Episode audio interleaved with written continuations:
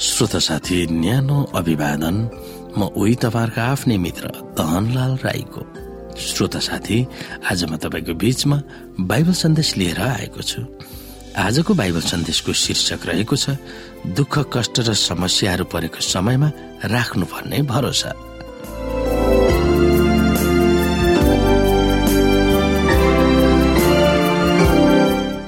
श्रोता साथी यस संसारमा पाइला टेक्ने यसु भक्त भनेर किन दावी नगरोस्? उसले आफ्नो जीवनमा कुनै न कुनै तितो अनुभव नगर्ने कोही पनि हुन सक्दैन। दुःख कष्ट पीडा अन्यल पिछोड आदिको प्याला पिउने पर्ने हुन्छ। ती कठिन र कष्टको समयमा परमेश्वर बादलभित्र लुकिरहेको जस्तो देखिन्छ। हामी सोच्दछौ त्यस समयमा परमेश्वर कहाँ हुनुहुन्छ? उहाँ के गर्दै हुनुहुन्छ? ती सबै आपत र विपद उहाँले मलाई किन आउन दिनुभयो?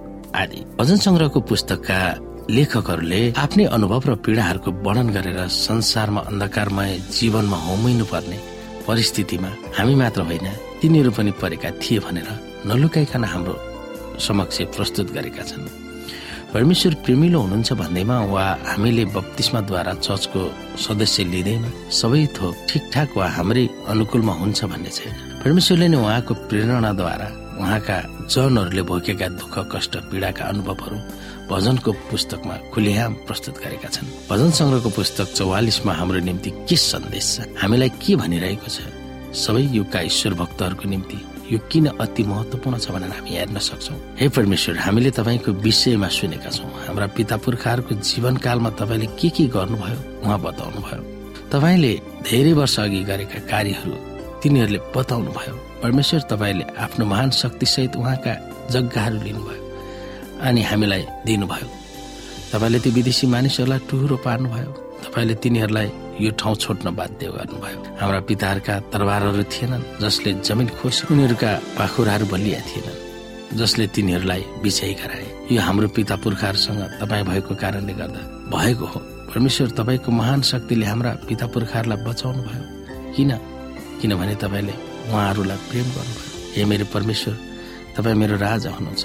आदेश दिनुहोस् अनि याकुबका मानिसहरूलाई विजयतर्फ अगुवाई गर्नुहोस्।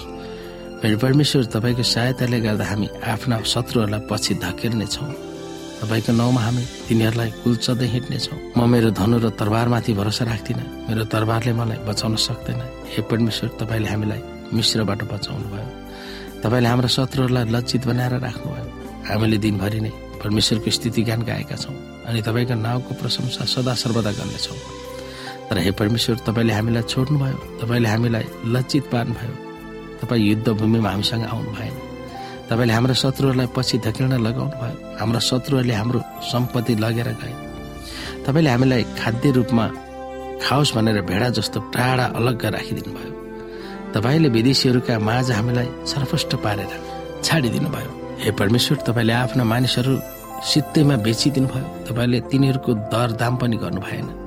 तपाईँले छिमेकीहरू समक्ष हामीलाई हाँसोको पात्र बनाउनु भयो तिनीहरूले हामीमाथि हाँसे र खिल्ली उडाए। हामी हँसाउने कथाहरू मध्ये एक हौ जो मानिसहरू भन्छन्। आफ्नो देश नभएका मानिसहरूसम्म हामीमाथि हाँस्छन् र आफ्ना टाउकाहरू हल्लाउँछन्। म लासले छोपिएको छु सारा दिन आफ्नो लज्जित रूप हेर्छु। मेरा शत्रुहरू जसले मसित साटो फेर्न चाहन्थे तिनीहरूको खिसी र अपमानबाट उब्जेको लासले गर्दा म आफै लुक्छु। परमेश्वर तपाईँलाई हामीले बिर्सेका छैनौँ। अझै यी सबै कुराहरू तपाईँले हामीलाई लागि गर्नुहुन्छ। हामीले तपाईँको करार पत्रमा हस्ताक्षर गर्दा छल कपट गरेका छैनौँ। परमेश्वर हामी तपाईँबाट टाढिएका छैनौँ। हामी तपाईँलाई पछ्याउनका लागि रोकिएका छैनौँ। तर परमेश्वर तपाईँले हामीलाई यस ठाउँमा मिच्नुभयो जहाँ स्यालहरू बस्दछन्। तपाईँले हामीलाई त्यस ठाउँमा छाडिदिनु भयो जुन मृत्युभन्दा पनि भयानक अध्यारो छ। के हामीले हाम्रो परमेश्वरको नाउँ बिर्सियौँ? के हामीले विदेशी देवताहरूलाई प्रार्थना गर्यौँ होइन। निश्चय नै परमेश्वर यी सबै कुराहरू जान्नुहुन्छ। उहाँले हाम्रो गहन गुप्त कुराहरू पनि जान्नुहुन्छ। हे परमेश्वर दिनभरि हामी तपाईँका लागि मरिमेट्यौँ। हामी मर्न लागि भेडा जस्तै छौँ। उठ्नुहोस् मेरो स्वामी किन तपाईँ सुतिरहनु भएको छ? उठ्नुहोस् हामीलाई सदाको निम्ति नछोड्नुहोस्। परमेश्वर तपाईँ किन हामीदेखि लुकिरहनुहुन्छ? तपाईँले हाम्रो पीर र सङ्कटहरूलाई बिर्सनु भयो। हामीलाई पोखरीभित्र हुत्याइएको छ हाम्रो शरीर धुलोमा पल्टिएको छ। हे परमेश्वर उठ्नुहोस् र हामीलाई सहयोग गर्नुहोस्। तपाईँको स्नेहपूर्ण करुणाले हामीलाई बचाउनुहोस्। श्रोता साथी चर्चमा गरिने सेवा कार्यहरूमा प्राय जसो भजन संग्रहका केही भागहरू समावेश भएका हुन्छन्। कुन समयमा कस्तो भजन चुनिएर चर्चमा पढिन्छ त्यो औपचारिक नभएर अर्थपूर्ण हुन्छ। प्राय जसो त्यो भजनले हामी गुज्रिरहेको परिस्थिति र भावनालाई प्रतिबिम्बित गरेको हुन्छ। त्यसमा व्यक्त गरेका शब्दहरू व्यक्तिगत र सामूहिक प्रार्थनाहरू भएका हुन्छन्। हामीले व्यक्त गर्न नसकेका भावनाहरूलाई भजनले नै व्यक्त गर्दा हामी गुज्रिरहेको अन्धकार परिस्थितिलाई व्यक्त गर्न हामी असमर्थ छौँ र हामीमा व्यक्त गर्न शब्दहरूको अभावलाई प्रस्तुत गरेको हुन्छ। कतिपय समयमा हामीले सामना गर्न नसक्ने दुःख कष्ट हामीमा आइपर्दा परमेश्वरले हामीलाई अन्याय गर्नु भएको वा उहाँले हामीलाई त्याग्नु भएको हामी महसुस गर्छौँ।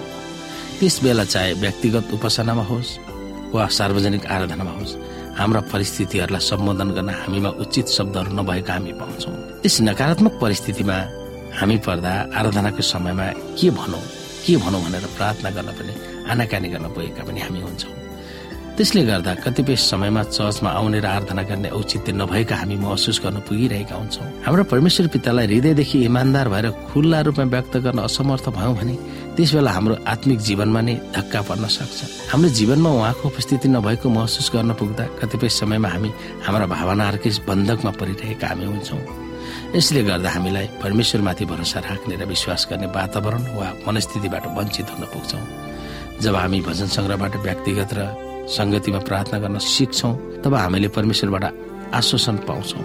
हाम्रा अनुभवहरू हाम्रा मात्रै नभएर भजनका लेखकहरूको पनि थिए र जुनसुकै परिवेशमा पनि तिनीहरू परमेश्वरमाथि कसरी अघि हुन पुगेका थिए र तिनीहरूको निष्ठामा बलियै भएकोले हामी पनि बलियो हुन सक्छौँ भने हामी ढुक्क हुन सक्छौँ। श्रोता साथी हाम्रो जीवनलाई उजागर गर्ने भजनहरूमा भजन चौवालिस पनि एक उल्लेखनीय भजन अन्जानमा मानिसहरू किन दुःख र कष्ट र पीडा अनाहकमा किन भोगिरहेका छन् भनेर त्यस भजनमा खुलियाम व्यक्त गरेका हामी पाउँ। परमेश्वरलाई विश्वास गर्यो भन्दैमा यस संसारमा हामीलाई सबै थोक ठिक ठिक हुन्छ भन्ने ग्यारेन्टी हुँदैन।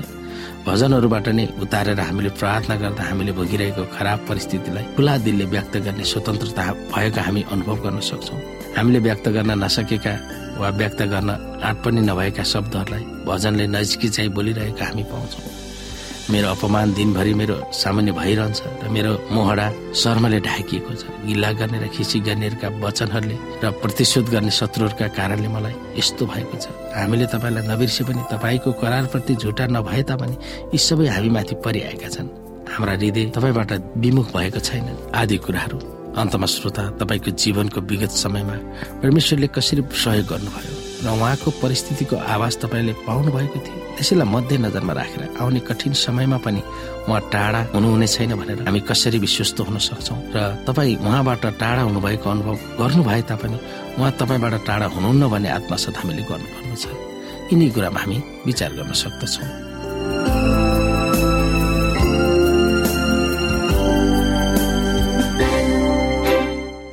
श्रोता साथी आजको लागि बाइबल सन्देश यति नै। हस्त नमस्ते जय मसिंह।